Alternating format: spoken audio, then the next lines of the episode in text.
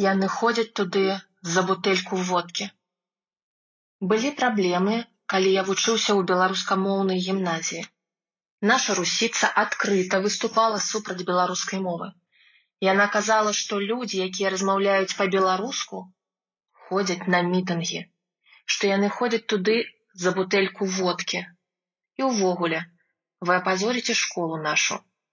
Парадокс у тым, што гэта была беларускамоўная гімназія, а ў ёй адкрыта выказвалася такая антыбеларуская пазіцыя. Гэта былі такія прэвентыўныя меры напярэдадні выбараў 2006 года. А ўсіх, хто размаўляў на беларускай мове, успрымалі як, умоўна кажучы, апазіцыянераў. Нават памятаю, калі я ў публічных месцах размаўляў па-беларуску, многія казалі: пэўна ты бнефавец, змагар, ну і ўсяк па-іншаму. А калі я працаваў, рыторыка была ўжо іншая.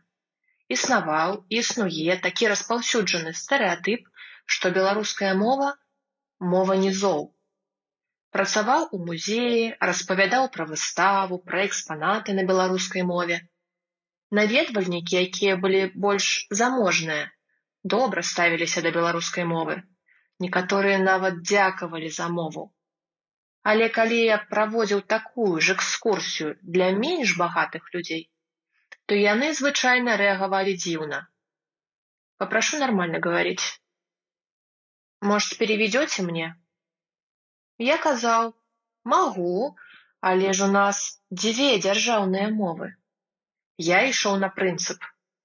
А людзі адмаўляліся мяне разумець. Хаця насамрэч цудоўна разумелі, што я кажу. Цікавы выпадак. Вёў экскурсію і бачу, што дзяўчына не ўсё разумее. Я тады ў яе спытаў пра гэта, а яна кажа: я из России, но живу здесь несколько лет и белорусский язык понимаю довольно хорошо. Человек з России не дэманстраваў непрыязнасць, а беларусы паказвалі. Добра, што гэты стэрэатып зараз разбураецца. Шмат вядомых людзей, дзяцей вучаць па-беларуску, шукаюць беларускамоўныя школы, гімназіі, а бізнесмены сталі часцей выкарыстоўваць беларускую мову.